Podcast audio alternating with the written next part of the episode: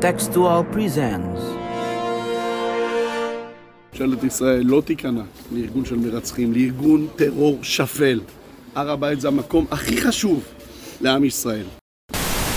إن اقتحام الوزير الإسرائيلي بن غفير للمسجد الأقصى المبارك صباح اليوم يشكل تحدي خطير لمشاعر جميع أبناء الشعب الفلسطيني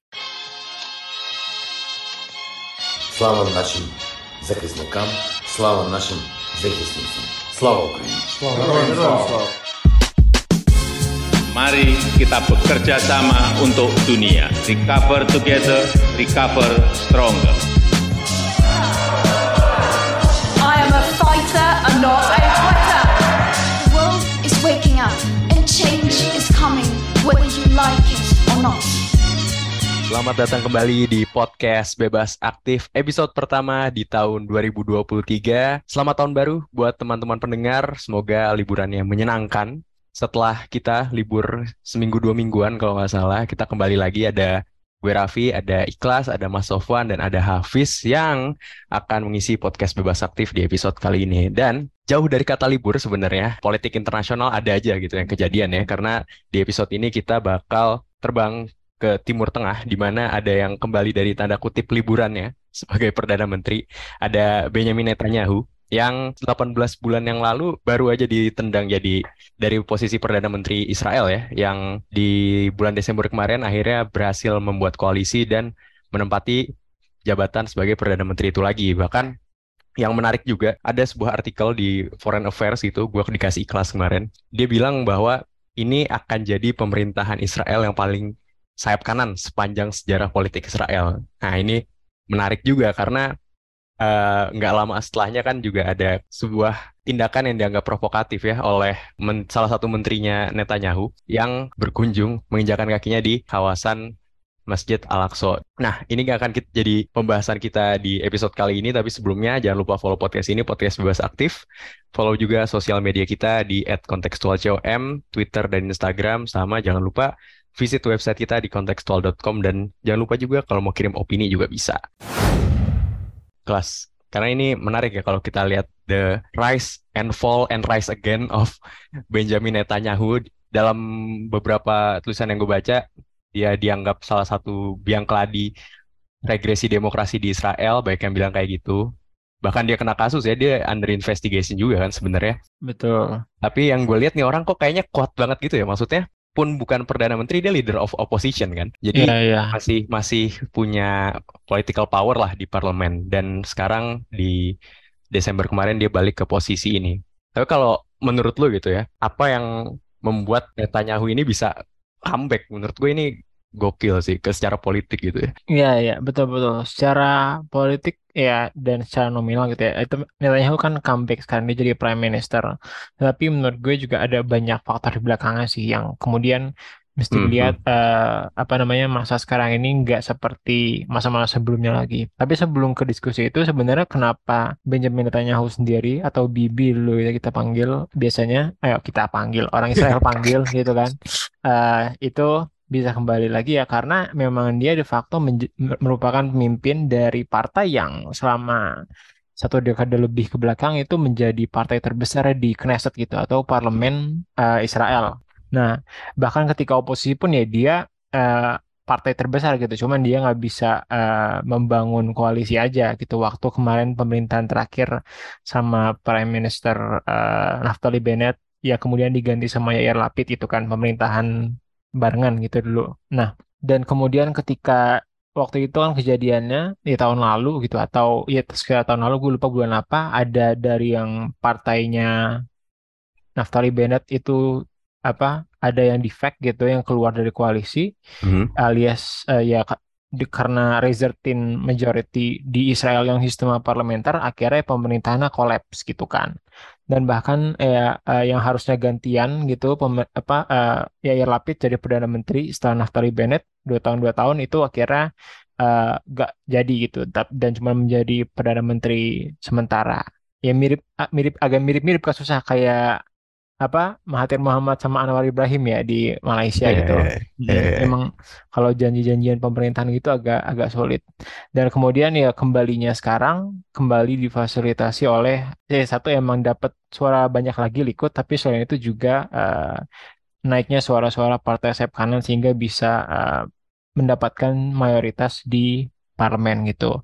Nah, yang kemudian menjadi fitur pembeda sentral eh, dan akan banyak didiskusikan selanjutnya menurut gue adalah bagaimana kemudian seperti yang tadi bilang Raffi di awal, eh, komposisi dari pemerintahan atau koalisi Hmm. Netanyahu kali ini adalah koalisi paling far right ya atau paling ekstrim kanan eh, di dalam masa pemerintahannya gitu kan. Karena ya eh, Netanyahu sebelum-sebelumnya udah punya beberapa kali menjabat, udah punya beberapa kabinet dan gak ada eh, yang se ekstrim ini gitu. Biasanya sebelumnya tuh selalu adalah satu dua partai tengah atau partai sentris gitu ya, atau partai liberal kalau yang bisa dibilang.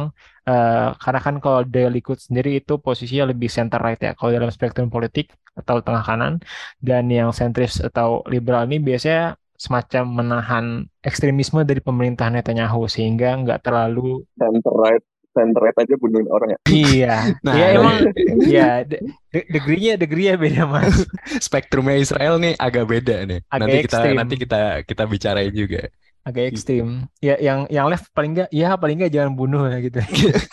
Ya ya inti intinya kayak gitu. Jadi emang komposisinya sekarang eh, itu either Netanyahu atau yang lebih ekstrim dari Netanyahu gitu pemerintahannya isinya dan oleh karena itu banyak tidak pastian banyak kekhawatiran ya da- dari eh, pemerintahannya yang yang baru semingguan loh karena baru dilantik mereka tanggal 29 iya. Desember kemarin bener-bener udah ma- banyak masuk berita sekarang Berarti koalisinya Netanyahu tuh sebenarnya dia maksudnya ya mayoritas tapi mayoritasnya banyak nggak sih kelas? Uh, Koalisinya tuh diverse nggak? Kalau kalau gue lihat tuh ada nama United Arab juga di situ. Oh enggak enggak United Arab tuh yang sebelumnya Oh, United sebelumnya Arab ya? yang sebelumnya kalau Hmm. yang sekarang tuh enggak kursinya Benar-benar berapa kanan ya? semua ya, kanan semua Ya, berarti. kursinya tuh 70-an deh kalau nggak salah tadi gue baca eh, 70-an dari mayoritas tuh cukup 6 61 62 gitu. Dan apa namanya? Ya isinya tadi eh, Netanyahu dan ke sebelah kanannya lagi. Jadi nggak Uh, ada yang ya, ya. eh, lebih tengah atau lebih sentris gitu. Mas Sofwan tadi karena kita udah nyebut ya, tengah kanannya aja ngebunuh orang. Nah, kalau kita ngomongin kanan kirinya Israel tuh sebenarnya gimana sih Mas? Kalau Netanyahu tuh kita bisa bilang tengah kanan ya? Mungkin atau kanan jauh malah. yang harus dipahami adalah bahwa Israel adalah uh, settler colonial state dan di Oke. dalam settler colonial state yang berdiri melalui kolonisasi uh, di atas tanah jajahan itu tentu nggak tunggal kan ada beragam kelompok juga gitu ya.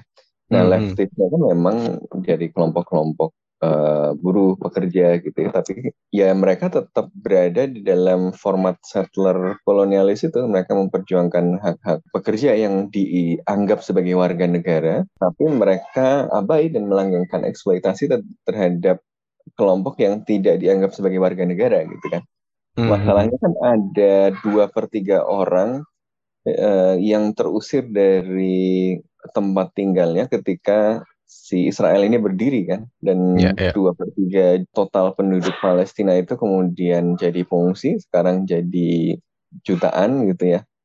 Yang ini kemudian terus dianggap sebagai ancaman gitu dan bukan eh, sebagai manusia gitu ya. Jadi sebagai eh, orang-orang yang ya, dianggap sebagai ancaman keamanan ya, sehingga kalau mereka mau pindah dari satu kampung ke kampung lain tetap harus lewat checkpoint kalau mereka pergi ke sekolah harus lewat jalur khusus Mhm. kalau mereka mau mengunjungi keluarganya harus dicek ID-nya mau melahirkan harus diperiksa macam-macamnya sampai di harass dan seterusnya gitu ya Ya. yang yang jelas nih laporan soal ini udah banyak lah jadi dengan karakter seperti itu tentu pembacaan kanan kirinya juga nggak bisa lepas dari konteks itu kan. Jadi kalau kirinya saja abai terhadap eksploitasi terhadap apa yang kemudian dianggap sebagai di luar eh, citizens-nya, ya tentu sesekali ada dorongan misalnya untuk lebih terbuka, untuk lebih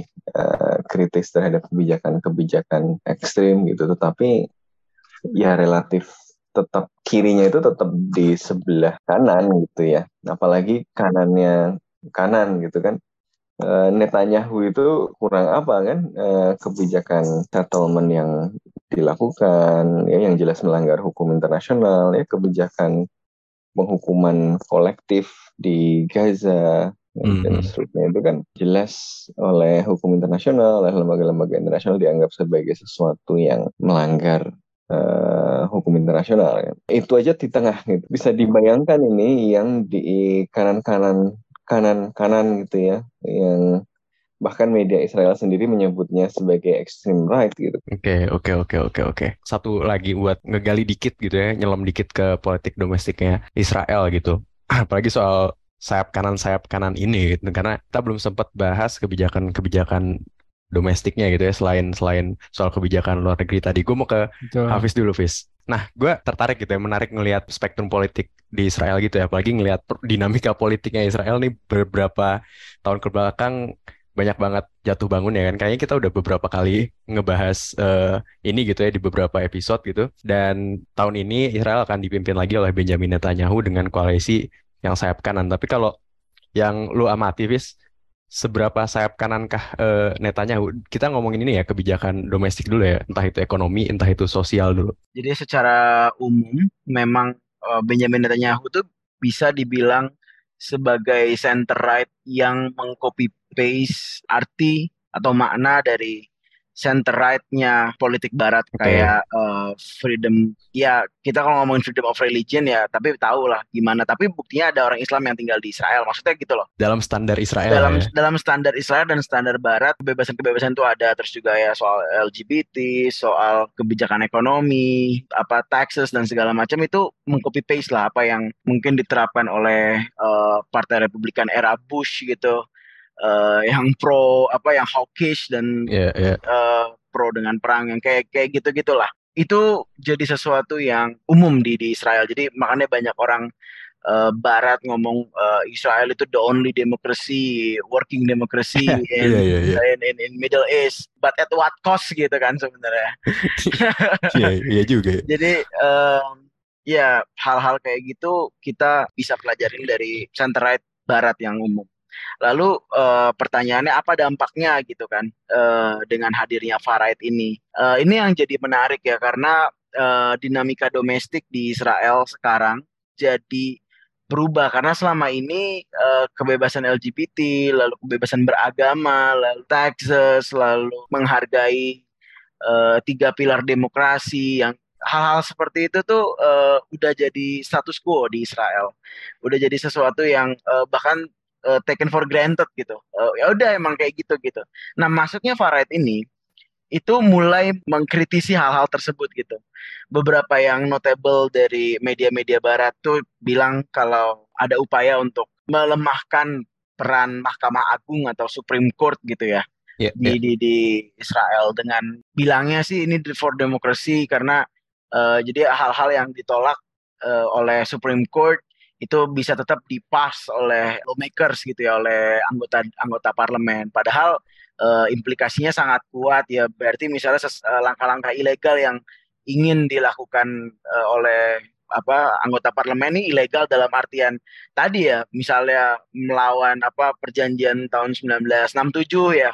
Atau apa pun yeah. lah yang yang dianggap tadinya mungkin ilegal bisa jadi legal dan bisa jadi tetap dilakukan karena ada justifikasi bahwa Supreme Court itu uh, keputusannya tidak sekuat apa yang diputuskan oleh uh, anggota parlemen. Ini juga jadi menarik ada seruan anti LGBT dan anti uh, air Arab gitu ya, anti Muslim di di uh, Israel dari dari koalisi ini mulai mulai mengkhawatirkan di situnya. Tapi yang menarik ada dua hal. Pertama Netanyahu bilang bahwa uh, saya memegang kendali penuh dengan dua tangan terkait hal-hal uh, yang menjadi status quo di Israel dia secara eksplisit ngomong kayak gitu yang kita nggak tahu lihat ke depannya apakah itu hanya lip service dan yang hmm. kedua adalah Biden yang sudah menelpon, sudah congratulates, looking forward to work, and uh, friend for decades. Uh, uh, we have worked with partners to promote this more hopeful vision of region at peace, including between Israelis and Palestinians.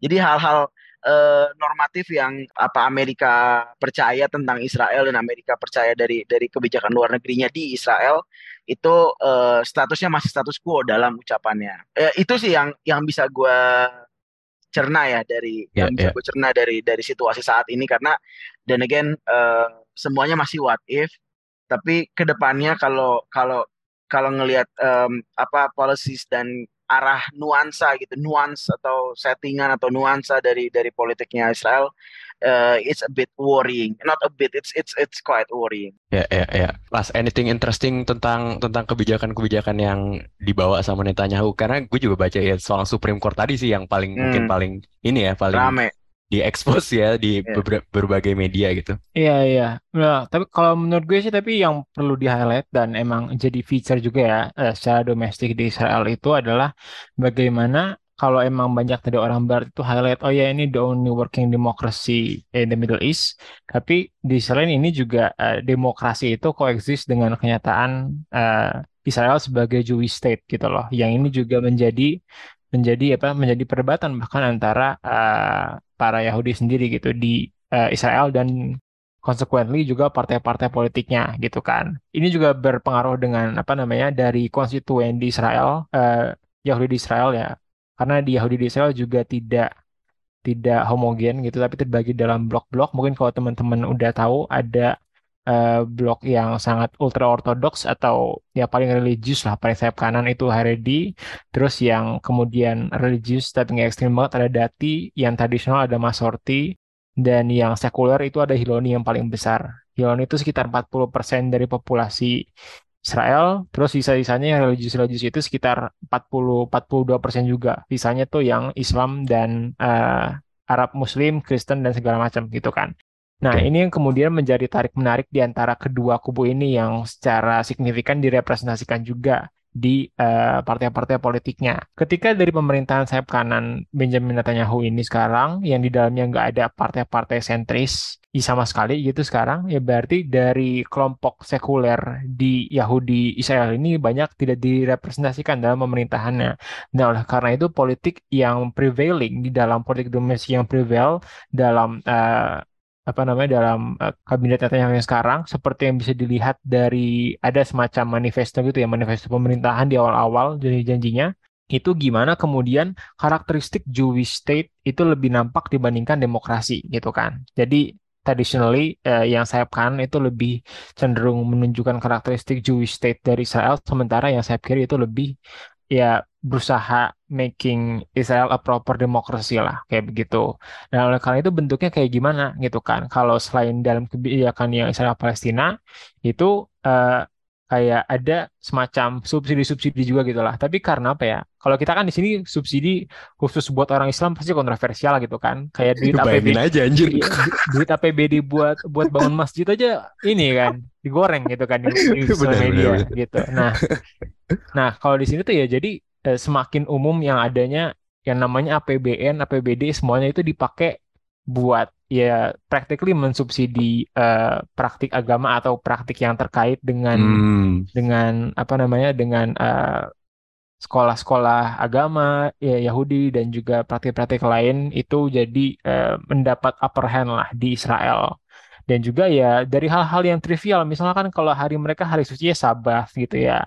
Yeah. dan biasanya transportasi pengennya di apa diliburin aja gitu hari itu. Kalau yang religius religius segala macam sementara kalau yang sekuler pengen tetap jalan gitu kan. Hal-hal hal-hal trivial kayak gitu. Tapi itu yang juga ikut dimainkan di dalam uh, politik di uh, Israel gitu kan. Dan tadi dari sisi Jewish state-nya itu juga sebenarnya bagaimana seperti yang lo mention tadi melemahkan kontrol judicial juga uh, judicial atau ya, demokrasi secara umum di Israel untuk kemudian bisa melancarkan agenda-agenda sayap kanannya yang selama ini banyak diblok oleh uh, Supreme Court gitu ya oleh kehakiman dan elemen demokratis lainnya sebenarnya di dalam Israel gitu karena ya banyak dari agenda Jewish itu yang terhalang oleh karakteristik hmm. uh, demokrasi Israel yang masih tersisa. Ya, ya, ya, ya. Ini poin yang menarik tadi ternyata ya eh, Zionis itu nggak semuanya religius gitu. Betul. Karena betul. memang dia sebenarnya kan gerakan sekuler gitu ya yang kemudian memobilisasi apa dukungan untuk tanah air bagi orang-orang Yahudi gitu ya. Tapi kemudian ya karena Yahudi itu melekat dengan tidak hanya kebangsaan tapi juga agama emang ada kelompok-kelompok religius juga di situ gitu makanya kanan tengah kirinya juga ada spektrum apa religiusitas tadi gitu ya atau peran agama di dalam benar-benar peran agama di dalam uh, negara ya. Ya tapi tadi meskipun berbeda ya proyek Zionismenya tadi visinya apakah visi yang sekuler atau religius ya tapi tetap apartheid kira-kira. Tetap melihat uh, supremasi Yahudi gitu kan sebagai sebagai identitas nasional. Ada law of uh, apa uh, rights of return kan yang kalau mm -hmm. dia orang Yahudi di mana saja dari Brooklyn kan yang kemarin ramai itu ya dia tinggal datang ke situ dikasih rumah hmm. uh, dikasih yeah. mas gampang tempat. itu ya Iya langsung dapat keluarga negaraan kalau dia mau benar-benar Nah, tapi menariknya juga sebenarnya salah satu agenda dari pemerintahan Netanyahu terbaru ini dia pengen mempersempit law of return ini gitu loh, apa rights of return. Jadi kan hmm. apa namanya uh, biar nggak semua Yahudi bisa asal balik aja gitu. Jadi pengennya Yahudi yang nggak cuma secara ancestry tapi juga secara religious proven gitu istilahnya gitu lah. proven tuh gimana? Nggak tahu, kurang paham. bukan, tapi intinya bukan yang kaleng-kaleng lah, yang bukan yang, yang lebih paten gitu. Ada tesnya kali ya wawasan keagamaan gitu mungkin ya banyak gitu ya kontroversinya Benjamin Netanyahu dari dulu sampai sekarang. Tapi yang paling baru adalah karena belum lama ngejabat nih, Menteri Tamar ini masuk dan menginjakan kakinya di kawasan Masjid Al-Aqsa di Yerusalem Timur gitu ya. Nah, ini adalah tindakan yang provokatif dan menimbulkan banyak respons dari dunia. Cuman kalau kita mau tarik lagi ke belakang gitu ya buat teman-teman yang mungkin belum terlalu familiar sama sama ini, kenapa datangnya seorang pejabat setingkat menteri Israel itu ke uh, kawasan Masjid Al-Aqsa itu dapat kita sebut provokatif, Mas? Karena ada apa konsensus yang disepakati ya pasca 1967 itu bahwa uh, wilayah Masjid Al-Aqsa itu dijaga status quo-nya. Status quo-nya itu seperti apa status quo-nya? Ya ruang wilayah atau tempat ibadahnya yaitu ibadahnya itu eksklusif karena yang berjalan yang sudah ada dan ada di situ bangunannya dan berjalan ketika apa kemudian uh, masuk mandat Inggris kemudian mulai ada Israel itu adalah uh, umat Islam maka ya dijaga status quo itu gitu ya. Jadi jadi tempat tempat sholat gitu ya dan hmm. uh, tidak digunakan untuk ibadah yang lain. Nah sementara kelompok-kelompok uh, Yahudi ini kan menganggap bahwa Al-Aqsa ini berdiri di atas kuil Sulaiman kan, Haikal Sulaiman ya, yang dihancurkan oleh Romawi, ya kemudian setelah sekian lama ya dibangun di atasnya uh, apa yang kemudian disebut sebagai Masjid Al-Aqsa itu. Hmm. Nah jadi mereka juga pengen ibadah di situ gitu kan. Nah okay. cuma karena status quo-nya kesepakatannya itu eh, nggak uh, boleh gitu ya walaupun Israel de facto mengontrol keluar masuknya ya ada dorongan-dorongan untuk kemudian uh, ya mem membuat kalau versi ekstrimnya ya mendirikan kembali The Solomon Temple itu kan kuil Sulaiman itu di situ gitu tapi uh, tuntutan yang mungkin lebih dekat adalah boleh beribadah di situ juga gitu orang-orang uh, Yahudi gitu. Nah ini uh, menjadi hal yang uh, sensitif dan sementara kesepakatannya adalah yang menjaga status quo gitu. Sebelum Itamar emang belum pernah ada yang ini ya ya semacam ada melakukan ini. Ariel Sharon datang kan. Itu, itu tahun berapa ya itu? tahun 2000-an awal yang bikin konflik, hmm. yang bikin intifadah kedua itu kan. Oke, kenapa ini provokatif ya? Karena ya simpelnya adalah mengguncang, mengganti status quo kan berarti nanti. Ya banyak dilihat oleh kelompok-kelompok di Palestina sebagai red line. Nah ini garis uh, batas toleransi yang ya nggak boleh dilanggar sampai kecuali tadi ada status quo baru misalnya ada kesepakatan perjanjian baru kan tapi kan kan belum ada kesepakatan baru berarti kan yang berlaku status quo. Kalau hmm, status hmm, okay. quo berlaku ya seharusnya kedua belah pihak menghormati yeah. status quo-nya kan. Iya, yeah, yeah, yeah. Sebenarnya kalau yang uh, gue baca-baca juga ya sebenarnya ya selain dari pihak Palestina yang menganggap ini adalah hal yang provokatif beberapa negara Indonesia juga me melihat ini mengecam kunjungan ini juga dan sebenarnya oposisinya si Netanyahu di Israel juga menganggap tindakannya Itamar ini bakal memicu tensi gitu. Nah, gue jadi penasaran sebenarnya kalau coba kita analisis gitu ya, analisis kebijakan gitu. Ini motivasinya apa dia datang ke sini? kalau menurut lo, Fis? Kalau secara motivasional ya langkah langkah kebijakan yang sifatnya simbolik gitu. Kalau di sisi lain kan kayak Turki mengizinkan buat sholat di di apa di Hagia Sophia gitu kan. Jadi emang hal-hal simbolik ini yang gue yakin memicu banyak um, perdebatan akhirnya. Dan Ta tapi itu worth it nggak sih?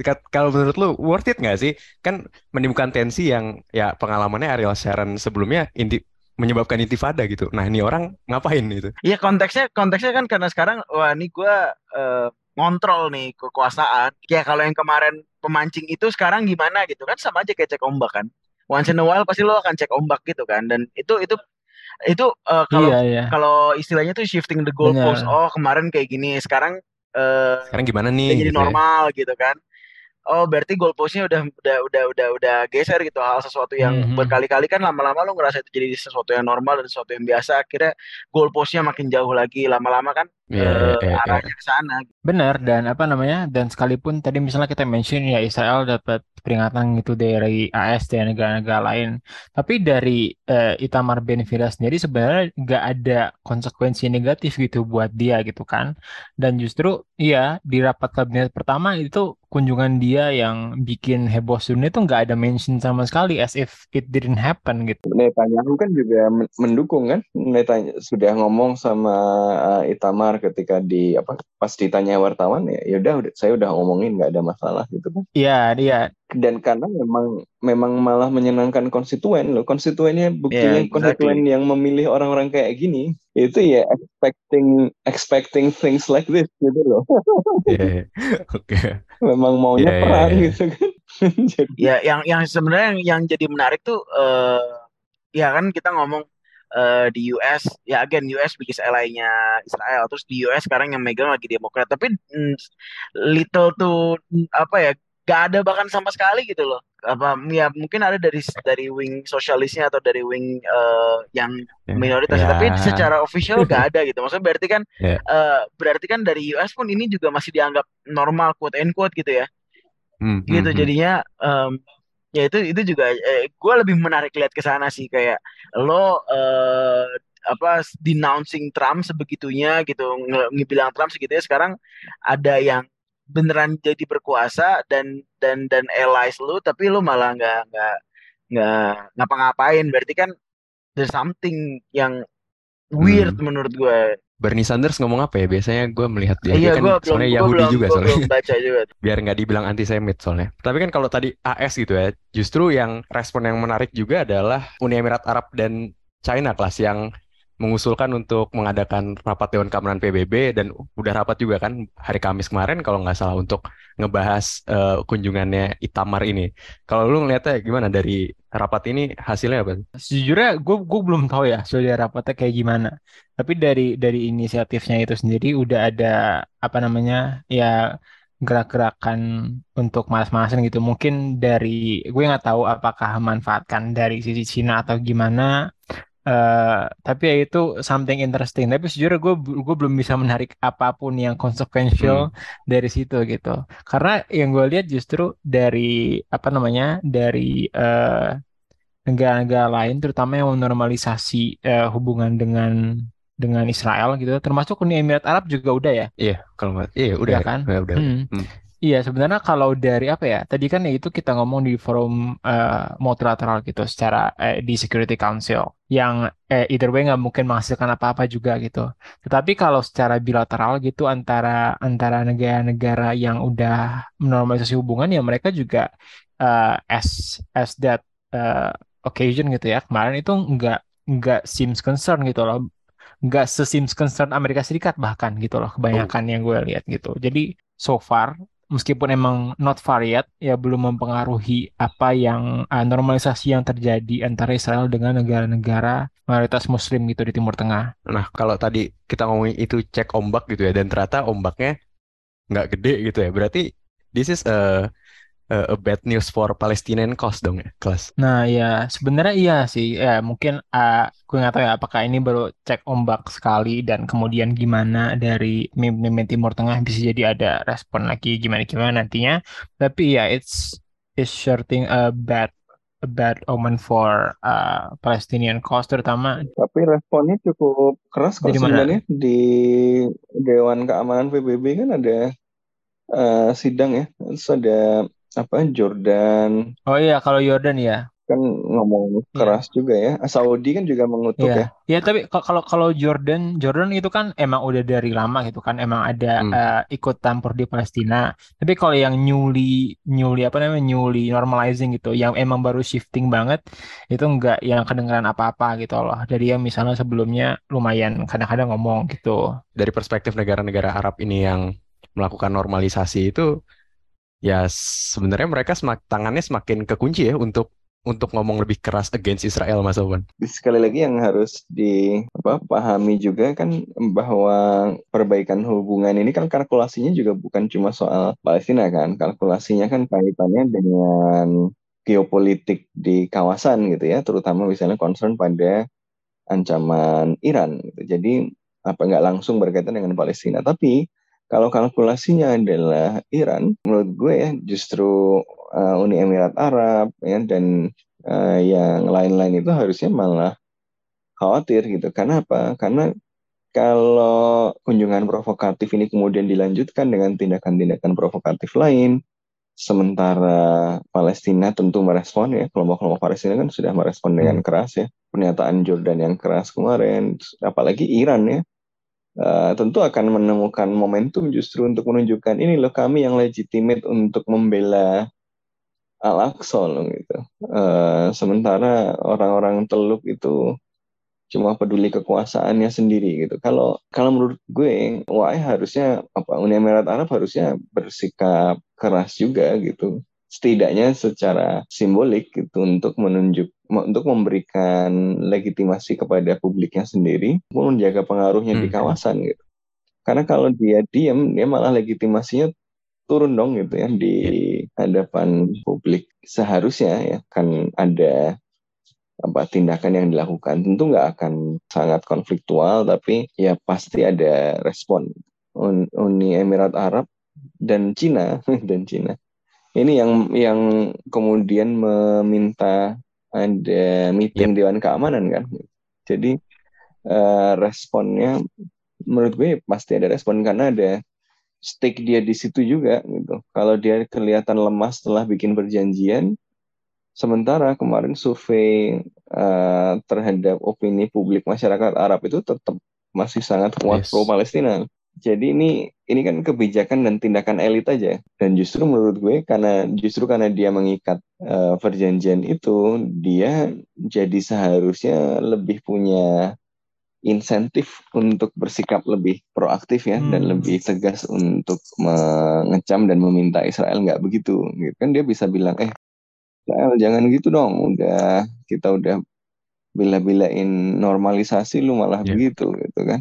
Jadi seharusnya uh, ada insentif untuk membuktikan itu. Karena Uni Emirat Arab kan menjustifikasi normalisasinya dengan oh kalau kita bikin normalisasi kita bisa uh, memfasilitasi perdamaian gitu ya. Kita bisa membela Palestina dengan lebih efektif. Kan justifikasinya hmm. begitu.